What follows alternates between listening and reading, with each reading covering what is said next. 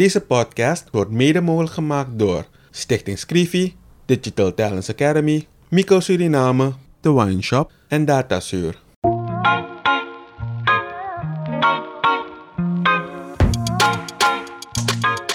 In een ontspannen sfeer praten journalist Kevin Hadley en challenger Vincent Kenswell met verschillende personen over de uitdagingen en de kansen van hun werkgebied. Samen proberen ze door oplossingsmodellen te bespreken positieve ontwikkelingen op gang te brengen.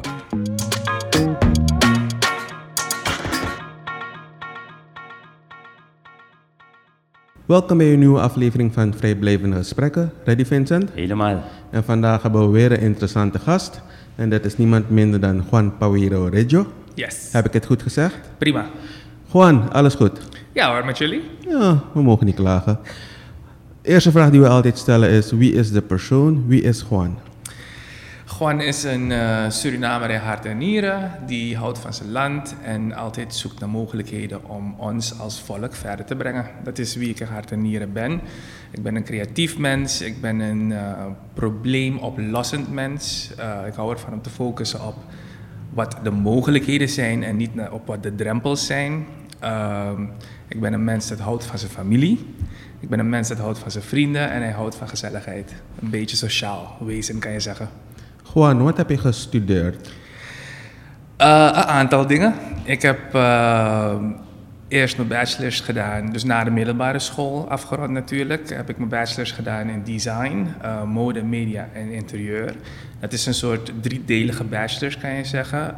ik heb die programma's gecombineerd omdat het allebei design bachelors zijn, dus dan heb je heel veel vakken die overeenkomen. Dus wat ik gezien heb, is dat ik meer dan één studie kon doen. Het was, die één studie was geen uitdaging genoeg voor me. Dus toen heb ik meerdere studies bij elkaar gecombineerd om het een beetje uitdagend te maken. Uh, vervolgens heb ik mijn masters gedaan, uh, maar ook een tweedelige masters, omdat eentje net niet genoeg uitdaging voor me was. Dus toen heb ik uh, journalistiek gecombineerd met public relations en international relations. Daarin heb ik mijn masters gedaan. Ja. Dat is best ja. veel. even, maar even, even, even, even. Van waar die drang om zoveel te doen? Ik kom uit een familie waar educatie centraal staat. Mijn moeder is een levens, mijn vader is een Paviro Reggio. Um, we hebben allemaal veel, mijn ouders, mijn ooms, mijn tantes, mijn neven, mijn nichtjes, we hebben allemaal veel gestudeerd. Uh, vanaf ik klein ben is het, is het echt met een paplepel ingegoten dat dat het belangrijkste is. Dat is je enige taak is om goed te studeren, kom met goede cijfers thuis. Wij zorgen voor de rest, maar doe jij je best. Uh, daar zit je toekomst. Um, en dat heb ik ter harte genomen. En toevallig ligt het me, want educatie is een complex ding. Dus de manier waarop educatie verzorgd wordt, heeft heel veel invloed op hoe uh, het ervaren wordt door een bepaald individu. Toevallig ligt dit systeem, het systeem waar we nu in studeren, dat ligt mee. En daar heb ik profijt aan gehad. Maar dat wil niet zeggen dat iemand die niet binnen dit systeem past, minder slim is of iets dergelijks. Is even slim, maar heeft een ander systeem nodig om te accelereren. Dus dit is ook een beetje geluk dat het systeem waarin we leven, uh, dat, ik me daar, dat ik daarin accelereer. Maar het is gewoon puur geluk. Ik, ik, daar gaan we even op het systeem komen, want ik ben toch benieuwd naar wat jij omschrijft als het systeem. Maar even iets anders, want je hebt gestudeerd design, mode hoorde ik. Mode, interieur, media. En vervolgens journalistiek, international relations en public okay. relations. Maar in het eerste denk ik zo van, want je zei ook je bent in hart en nieren Surinamer, dus je wil iets doen. Ik denk dat als je dat studeert, had je toen al het idee van oké, okay, daarmee ga ik geld verdienen. Oh, dus dat is interessant om te weten. Want dan, uh... In de studiekeuzes die ik gemaakt heb, heb ik nooit gedacht aan geld. Uh, bij ons thuis wordt altijd gezegd: doe wat je lief hebt en geld komt vanzelf. En dat is echt wat ik gedaan heb. Ik altijd gedaan wat ik leuk vond. Uh, geld is secundair. We hebben het allemaal nodig om aan het eind van de maand een rekening te betalen. Je wil niet arm zijn, je wil rondkomen. Dat is, dat is de basis. Dat wil ik natuurlijk ook. Maar ik hoef niet rijk te zijn. En ik hoef geen Mercedes te rijden en dat soort dingen. Dat is, dat is leuk. Ik vind de Mercedes ook mooi. Maar het is geen noodzaak. Nee, maar dat- daarom vind ik het, daarom stel ik ook die vraag, omdat ik daar inderdaad dacht van, oké, je doet iets dat je echt leuk Ik vind vindt. het leuk, ja. ja, ja. En natuurlijk, je straalt ook die energie en die welzijn, je- dat, dat het goed gaat met je. Dus dat is mooi. Dankjewel. Ja, nee, maar dat is altijd belangrijk. Want inderdaad, we, we leven in een, in een systeem waar je, ja, eh, mensen doen een studie om rijk te worden, weet je. En zo kan je, maar je hebt dus daarvoor gekozen. En dan nu even dat systeem, het systeem lichtje noemde je ze net. Welk systeem lichtje? Dus Nou, we hebben een bepaalde manier van, we hebben een bepaalde manier in Suriname gehad tot nog toe. eh, waarbij we de leerstof krijgen op het schoolbord. Eh, je schrijft het over. De juffrouw legt één of twee keer uit. Je gaat naar huis. Je maakt je huiswerk. En dan, nadat je dat een paar weken gedaan hebt, krijg je een test. En je krijgt een 3, een 6 of een 9. En veel is gebaseerd op hoeveel je kan onthouden. En niet, e- niet eens meteen op hoeveel je begrijpt, maar op hoeveel je kan onthouden. Precies. Dus ik denk dat ik veel kan onthouden. Ik zal je eerlijk zeggen, ik zal niet altijd alles begrepen hebben, maar ik heb het onthouden. Ik weet precies wat het jaartal was of zoiets. Maar begrijp ik wat er precies speelde? Misschien niet, misschien wel. Maar dat is me niet gevraagd. Er is me niet gevraagd, begrijp ik waarom Columbus naar, Surina naar eh, eh, Zuid-Amerika. Zuid- Zuid-Amerika kwam? Begrijp ik waarom eh, Hitler, weet ik veel, aan, wie aanviel, et cetera? Er is me niet gevraagd om het te begrijpen. Om verbanden te leggen. Precies, Ja. er is me gevraagd welk jaartal, hoe laat, oh, sorry, welk land, et cetera, waar. Dus dat, dat, dat lag me toevallig wel. En misschien als we het over begrip hadden, misschien lag het me zelfs beter, maar misschien ook niet. Maar dus ik zeg alleen maar, er is een bepaald systeem Ja, ja, ja. en iedereen gaat er anders mee om. En toevallig kon ik er goed mee omgaan. Dat heeft natuurlijk, moet ik eraan toevoegen, ik had goede begeleiding van huis uit. Dat vind ik ook heel belangrijk. Die ondersteuning kreeg je. Het is, ik denk dat het bij mij voornamelijk een heel belangrijke rol gespeeld heeft dat ik goede ondersteuning van huis uit had. Als ik een les niet goed begreep of als ik eh, als een leerkracht je soms niet goed ligt, want zijn allemaal mensen en soms iedereen heeft een juffrouw gehad van wie ze niet hielden en een juffrouw gehad van wie ze wel hielden. Ehm, en het vak van die juffrouw van wie je niet hield, daar ben je meestal niet zo goed in. Nee, echt niet. En die daar heb je begeleiding nodig om je er toch doorheen te slaan. En die begeleiding had ik wel. En niet, niet iedereen in Suriname heeft die begeleiding. En dat is iets waar we bij stil moeten staan. ik neem aan dat je buiten Suriname hebt gestudeerd, eh, die mode en eh, Ja. interieur. Mijn bachelor's heb ik in Nederland gedaan en mijn masters heb ik in Washington DC gedaan. Oké, en was het voor jou een aanpassing? Want ik neem aan, die studies die je hebt gedaan, daar moest je wel dingen begrijpen. Of Ja. dat, natuurlijk, het, het, was, het lag alleen je vond het leuk. Ja. Was het ehm, een moeilijk voor jou om aan te passen? Of Eh, eh, ja. het ook makkelijk? Eh, ik, Nederland lag mij niet. Dat, Nederland lag me niet. Eh, het was, ik was er een paar keer geweest met vakantie, maar daar wonen was een ander verhaal. Waarom? Ehm, de. Hoe zeg ik dit heel voorzichtig? ik, wil, ik wil geen mensen op hun teentjes trappen. Ehm, Het is koud? het, Kil? het- dat sowieso. Ik, ik hou niet van winters. Maar de manier waarop bepaalde Nederlanders naar de Surinamer kijken, dat heeft me gestoord. Oké. Nee, ik snap je. Het heeft me gestoord. Ja, we zijn, wij zijn een ander type volk. We zijn een beetje gemoedelijker. We zijn anders, maar ook, eh, hoe zeg je dat? Ehm, er is een bepaald beeld van Suriname onder de gemiddelde Nederlander. En, als, en we zijn allemaal zo divers hier. En ze hebben maar één beeld van de Surinamer. ik snap en je moet continu bewijzen dat jij misschien anders bent. Of dat, ehm, weet je, dat Surinamers echt een regenboog aan mensen zijn. We zijn zo verschillend. Ja. Er is niet één Surinamer en ik, ik paste niet in alle blokjes en hokjes en ideeën dat, die ze hadden van wat een Surinamer was. En dat moest ik continu bewijzen. Eh, en ja, nou, het, het land lag me gewoon niet zo heel erg. Maar natuurlijk eh, ben ik heel dankbaar met de kansen en opportunities die ik daar gehad heb. ehm, ten aanzien van studie, et cetera. Want het land heeft ook heel veel mooie dingen. En in Am- in Amerika was het anders? Ehm, ja, ehm, maar het komt omdat in Amerika men de Surinamer niet kent. Dus er was geen vooroordeel van wat ik was of wie ik moest zijn. Dus da- daar, als je een Amerikaan tegenkomt, die kent Suriname vaak niet. En nou, dan was het eigenlijk een blank canvas, weet je. Dus er was geen vooroordeel over wat een Surinamer was.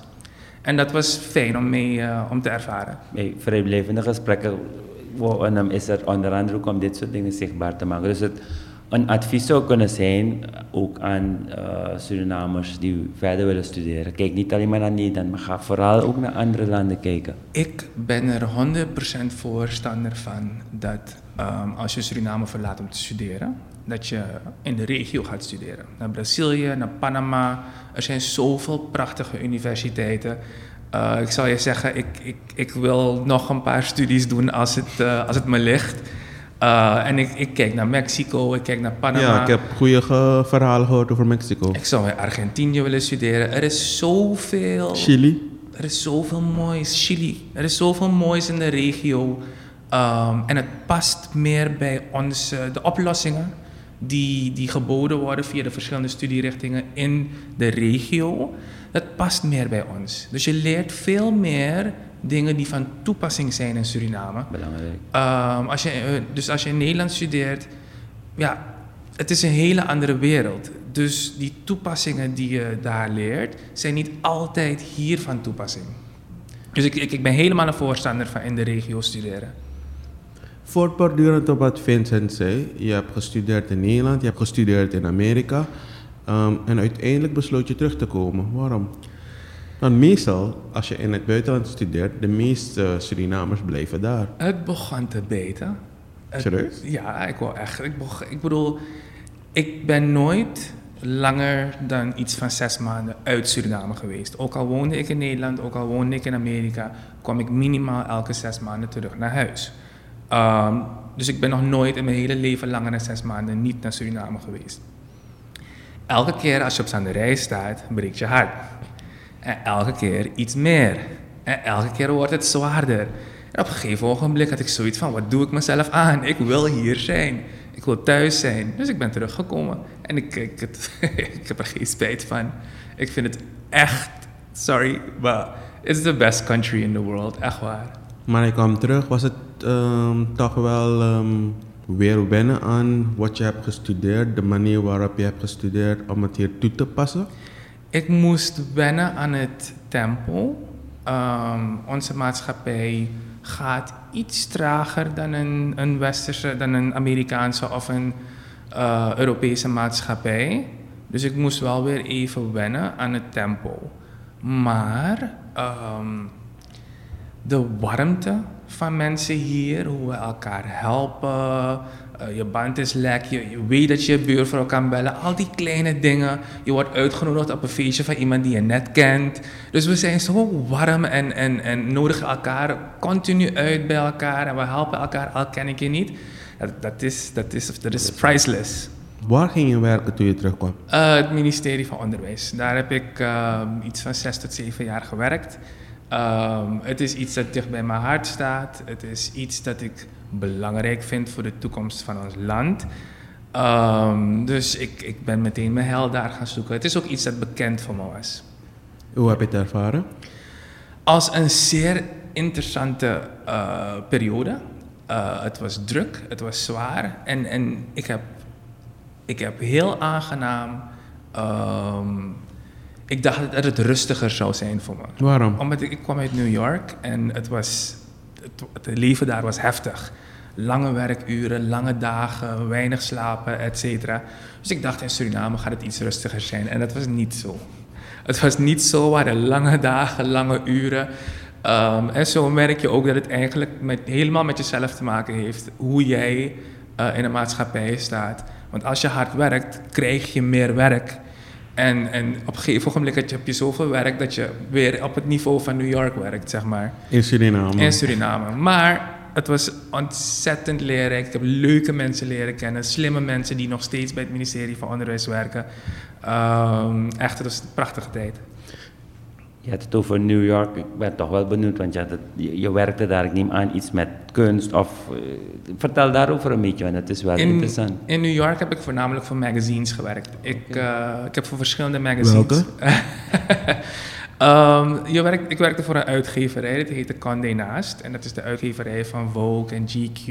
En eh, ik werkte voornamelijk voor Details Magazine. Maar soms moet, het zijn afdelingen, dus soms moet je ook even naar Vogue, soms moet je naar GQ en et cetera. Het was, eh, het, was, het, was een hele, het was ook heel interessant, maar die magazine slash fashion world van New York is eh, heftig. Ja. Het grappige is, ik volg nu een serie. The Bold Type, geloof ik. Heb- Ken je die? Van Netflix. Ik ken het niet. Je maar moet er naar eh, kijken. Het, is, het gaat eigenlijk over. Het is een beetje soft serie hoor. Als eh, Mhm. mensen het horen dat ik ernaar kijk, denken ze wat is het. maar het is, je leert er zoveel uit, eigenlijk, wat je daar noemt. Hè. Dus het is ook een uit, grote uitgever. En ik ben gaan kijken online. Het is geïnspireerd door de uitgever van Cosmopolitan. Mhm. Dus, en het is een vrouw en het was Women Empowerment. Maar wat je daar omschrijft, eh, fashion, eh, magazine en Ja. dat hele ding. Dus Ja. Kan je het aanbevelen of iedereen aanbevelen om er gewoon op Netflix naar te kijken. Ik denk dat je, er, eh, Dus dat je zelf gaat herkennen. Voor, voor ik eh, naar New York verhuisd was, eh, was ik dol op The Devil Wears Prada. Ja. En ik, ik vond het echt zo'n mooie film. En En ik, Hathaway. ik, maar ik dacht eens, Hollywood is overdreven. Het was niet overdreven. Het, was Je hebt het niet, ervaren. het was niet overdreven. Natuurlijk, als je binnenkomt, ik begin, ik ben de assistant van de assistant van de assistant van de assistant van de assistant. Ehm, dus ik, ik, eh, ik, ik word gestuurd naar daar, ik word gestuurd, moet rennen naar daar, ik moet taxis pakken terwijl ik like, zeven jassen. Eh, ik, heb, ik heb hier zeven eh, hangers, aan die andere hand zeven hangers. Ik had hangers in mijn tanden. Ook nog. En ik moet een taxi proberen te vinden in de winter. Eh, alles is glad. Eh, ik, heb, ik heb wat meegemaakt. Maar het, is, het, is, was een bijzondere ervaring. Die film is niet overdreven, ik kan het je zeggen. Ja, dus, Maar had je eh, ooit verwacht om um, voor magazines te gaan werken? Het In was, eh, ja, ja, ik in, vond Nederland- het... am- in Amerika? Ik vond het, ja. eh, dus daar, heb ik, daar zag ik die combinatie van journalistiek en mode, toch? Dus van die Ja. creatieve designkant en die journalistieke kant. Daar zag ik al mijn studies een beetje bij elkaar komen. Dus eh, het, was een, het was een bijzondere ervaring. Maar ik ook eenmaal daar, als je eenmaal daar hebt rondgelopen, dan heb je ook zoiets van: oké, is dit het wel? Dus daarom be careful what you wish for. Want als je eenmaal je wensen krijgt. It's, maar, maar, it's hoe not bedoel je, maar, always. maar hoe bedoel je, is dat het wel? Dus die, die Het is een heftige wereld. heftig. En ik weet niet, als ik, ik, laat ik het zo zeggen, ik wist niet dat ik dat voor de rest van mijn leven aan zou kunnen Die en dat zou willen. Maar was die balans eh, goed in terms of eh, je welzijn, geld verdienen en heb je daar... Dus je, ik verdiende goed, ik woonde goed, et cetera, druk leven. Maar het is niet alleen werk, hè, want s'avonds moet je, daarna moet je naar het feest. netwerken? Daarna moet je naar, het, naar de party, daarna moet je naar die opening, daarna... Dus je slaapt niet. Want je werkt tot tien uur, je bent op het feest, op, op een receptie of whatever tot twee uur in de ochtend. En daarna moet je Moet om je zeven uur weer opstaan. Dus je, zo komen mensen vaak in burn-outs. Ja. En het type mens dat eh, in die industrie eh, circuleert, is het, je, je moet er tegen kunnen. Ja. Eh, en je moet ermee willen, willen, Maar in, in, willen zijn. intern, want ik, ik, ik vind het zo grappig, omdat ik dus nu naar die serie kijk Ja, en ja. ik herken een aantal dingen. En ik heb er ook uit geleerd hoor, van inderdaad in Suriname, want je zei zo net, je komt terug en het tempo is trager. En hier nemen we een aantal dingen voor granted. Mhm. En ik heb bijna eh, het idee dat we soms eh, resultaat willen hebben zonder die inzet, zonder iets te doen. Terwijl jij nu inderdaad aangeeft, eh, aan beide handen, een, hoe noem je het, hangers in je tanden, nog, en dan moet je nog naar, dat, naar die receptie gaan. Als je dat zo, en, en, je, en voor Suriname, toch? Ja. We willen meedoen aan die ontwikkeling. Ik zoek een, een, een, een, een manier waarop we dus de jongeren of de nieuwe human power moeten gaan uitleggen van kijk, dit is eigenlijk voor een stukje ontwikkeling. Alleen klopt het soms niet helemaal. Maar we moeten hier toch wel een tandje sneller gaan. Ik, ik, ik denk dat eh, kwaliteit belangrijk is. Ik denk dat het belangrijk is dat wat je doet, dat je dat goed doet. Oké. Ehm, je hoeft niet meer te doen dan je kan. Eh, ook, ik, heb toen, ik heb ook mijn grenzen bereikt van, weet je, je, je, raakt tegen een burn-out aan. Ik, gelukkig, ik weet mezelf op tijd te stoppen. Top. Uh, maar het is belangrijker dat wat je doet, dat je dat goed doet. En dan heb je al een bijdrage geleverd.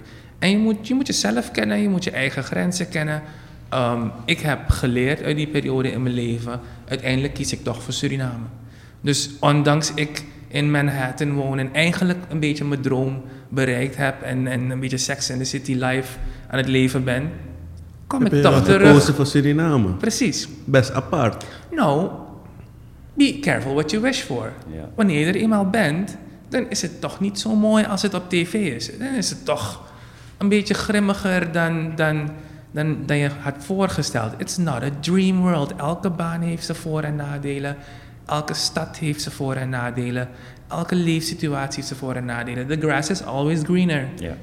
Maar dit is heel grappig, want ik zei nog tegen Vincent eh, van dat wij in Suriname ons vaak genoeg blind staren op zaken die we zien. We zien die acteurs en die actrices eh, heel modieus. We, denken ze hebben een groot huis, we zien ze in een groot huis. Hetzelfde geldt ook voor ehm, films. Ehm, we zien altijd die mooie films van Hollywood. Terwijl er veel meer andere films zijn. We hebben altijd een vertekend beeld van hey, um, om succesvol te zijn moet je er goed uitzien. Je moet in een groot huis wonen en je moet veel geld hebben. Terwijl de keerzijde is ook weer van. Uh, voor sommigen is het soms 10, 20 jaar voordat ze doorbreken. Maar het is ook keihard werken. En op een gegeven moment als je op dat punt bent, ben je dan wel gelukkig als je zo hard moet werken, zoveel energie en tijd moet stoppen in wat je doet. Uh, hou je wel tijd en geld over om te leven. Als je het mij vraagt, hangt het van de persoon af. Bepaalde type levens zijn perfect voor meneer A en niet voor meneer B. Dus het hangt helemaal van de persoon af. Um, ik denk sowieso, het, het, het, deel dat wij op tv zien, dat is 0,0001 procent. 99,999% haalt het niet. Ja. En, en, en struggelt voor de rest van hun leven om iets te bereiken, et cetera. Um, en wij kijken naar de 0,001% die het gehaald heeft. We kijken naar Jeff Bezos die naar de, naar de ruimte gaat en ja. zo. En dan, uh, weet je wel, ik, ik, soms krijg ik van die memes of iets dergelijks van... Uh, Jeff Bezos uh, heeft nauwelijks zijn middelbare school afgemaakt. Of, een, of Elon Musk, ik weet niet welke ja. van ze het was. Heeft nauwelijks zijn middelbare school afgemaakt. En kijk, hij is de rijkste man ter, een van de rijkste mannen ter wereld. Dus je hoeft niet naar school. Ja. ja. Je, bent, ja. je kijkt naar de 0,00001% Precies. die niet naar school gegaan is en biljonair geworden is. Um, kijk naar die 99,999% die niet naar school gegaan is en het niet gemaakt heeft. Dat is er ook. En, um, om even dus inderdaad naar de toekomst te kijken. Je vertelde in het voorgesprek dat je ook met de kunstwereld in Suriname bezig bent. Met jouw ervaring inderdaad, want je haalt het zo mooi aan. Wij zien de 0,0001. Jij kan dus nu inbrengen voor ons als systeem. Want ik geloof ook erin dat als je gaat kijken naar de toekomst, de, wat we noemen de orange economy, de creatieve sector. In Suriname hebben we eigenlijk nog een hidden gem, om het zo te zeggen. Veel, veel talent, we hebben zoveel cultuur. Um, hoe zie jij, wat moet er gebeuren om dat tot wasdom te brengen en in hoeveel tijd denk je dat? Het eerste wat ik zou doen is die kunstacademies, Nola Haterman, AHKCO, om echt te gaan investeren erin. Uh, er moet veel meer budget vrijgemaakt worden voor. Er moet veel meer kunst en, en, en, creatieve educatie in ons dagelijks basisonderwijs en MULO-scholen, et cetera, gegeven worden. Maar nadat je die kinderen uh, als, als, als richting, als kans gegeven hebt van dit is ook een optie, moet je academies hebben, ja. zoals Nola Hatterman en AHKCO, die goed gestaafd zijn, die goed ge, uh, financieel goed onderbouwd zijn, et cetera, zodat mensen de kans hebben om daar hun, hun, hun leven in, uh, in op te bouwen en om die kennis op te doen om succesvol te zijn in het vakgebied. Je bent in het bestuur van uh, de kunstbeurs. hoe lang ben je in het bestuur nu?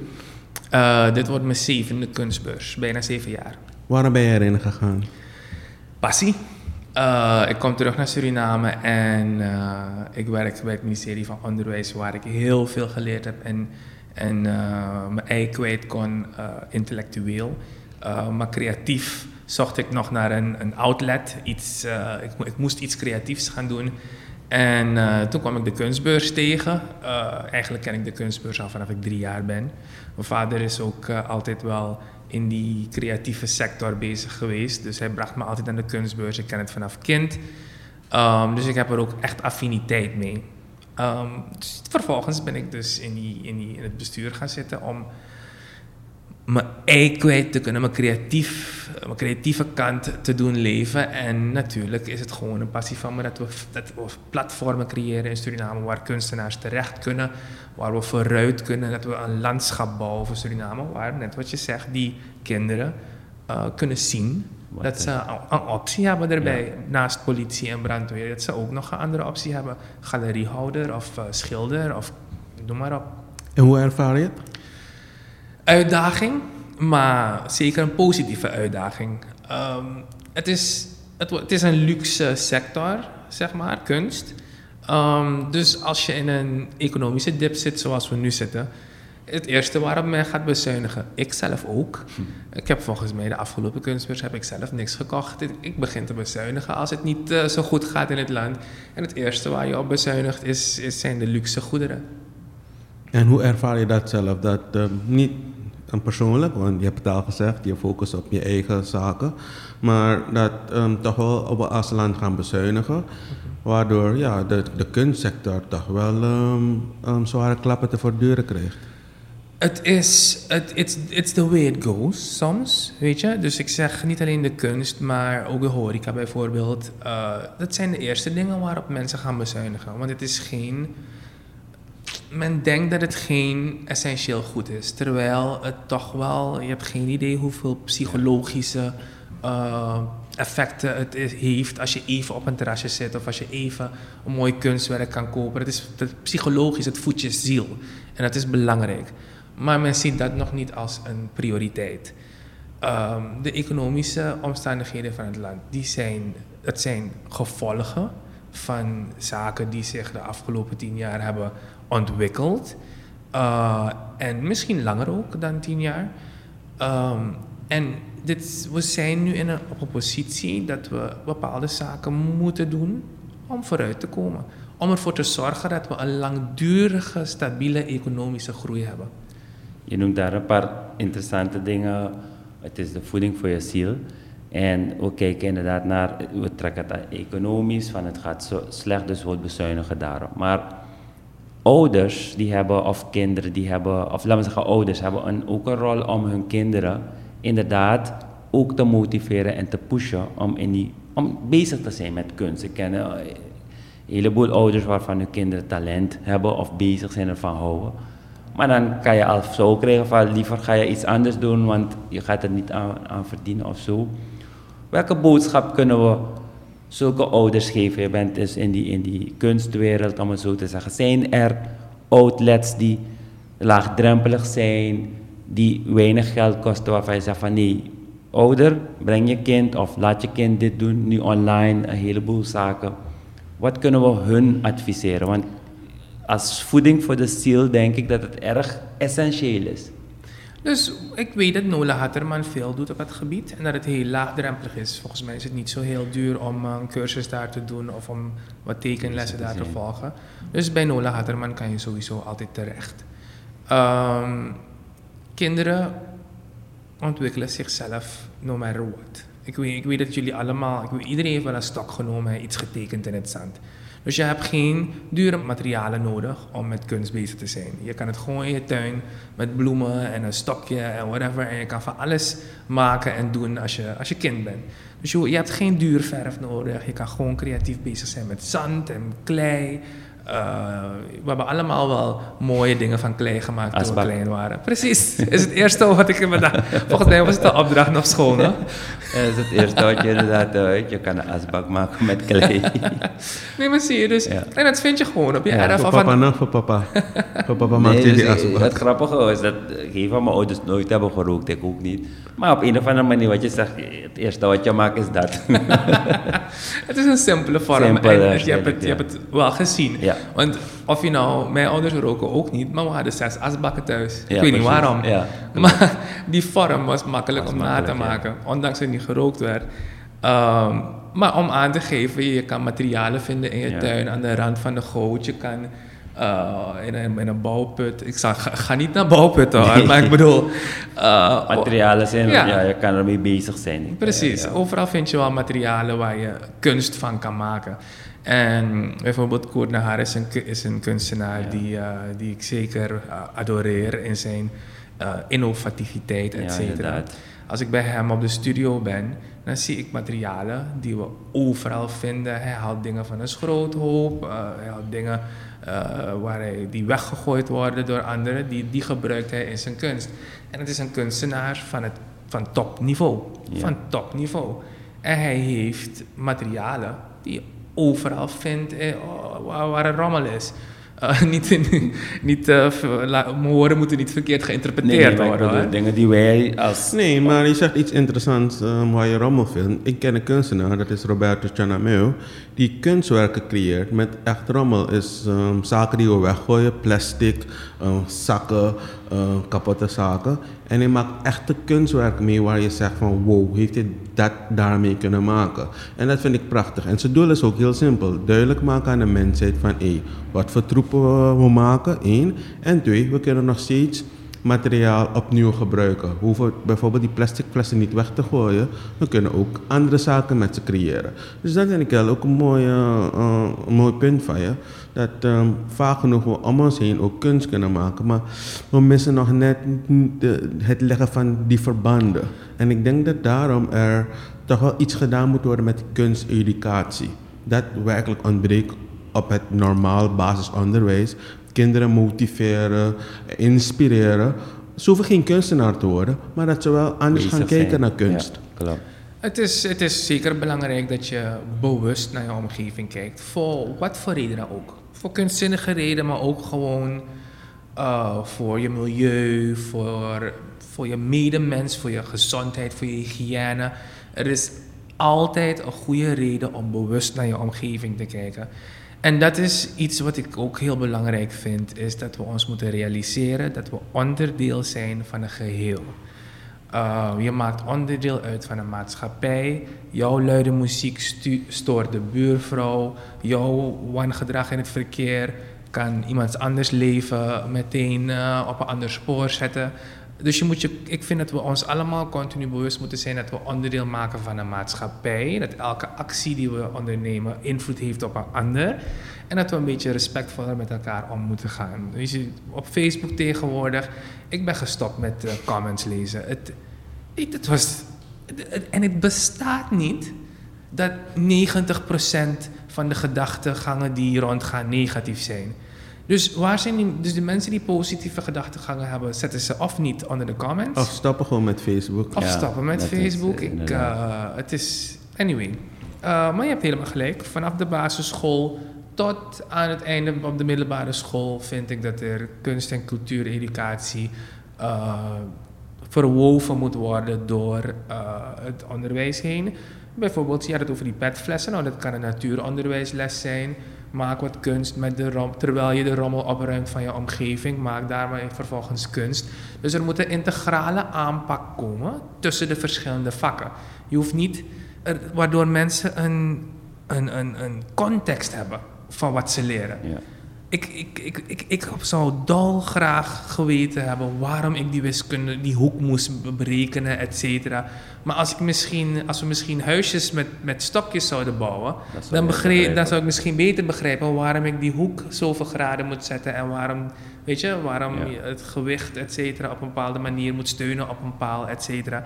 Dan begreep ik die wiskunde waarschijnlijk beter dan dat het gewoon lijntjes en cijfers op papier waren. Heel droog. Wanneer is de volgende kunstbeurs? De volgende kunstbeurs is sowieso een digitale. Laten we daarmee beginnen. Oké, mooi. Uh, vanwege COVID vinden we het nog niet verantwoord dat we um, grote, Fysiek. grote fysieke mensen bij elkaar brengen. Uh, 3 november uh, is de launch van onze volgende digitale editie. het is onze tweede digitale editie en we're super excited. Wat moeten we doen om het nog harder te pushen? Want je zegt het is de tweede. Persoonlijk heb ik de eerste ook niet bezocht tussen aanhalingstekens. Het is ook niet voorbij gekomen. Dus hoe kunnen we dit echt gaan pushen? Waarom is het belangrijk om het te komen bezoeken? Nou, laat ik het zo zeggen. Het is belangrijk omdat je zult zien hoeveel talent we in Suriname hebben. Laten we daarmee beginnen. Want de kunstbeurs is een platform. Maar wat de beating heart is van de kunstbeurs, dat zijn de talenten van de jonge Surinamers die deelnemen aan de kunstbeurs. Deze mensen zijn bijzondere mensen. Ze werken het hele jaar door aan het ontwikkelen van hun talent. Het is hun passie. Ze, stellen, ze zetten hun hart en ziel in hun werk. En deze bijzondere resultaten van hun hard werk, dat alleen al moet reden genoeg voor je zijn om langs te komen. Oké, nice. Het is dus eh, op een website en dat is www.siaf.sr. Ja, nou, in ieder geval heel veel succes. Bedankt dat je vanuit New York toch naar Paramaribo bent gekomen. En ga door met het mooie werk en we gaan het zeker volgen. Thank, Thank you. you. Yes. Thank you.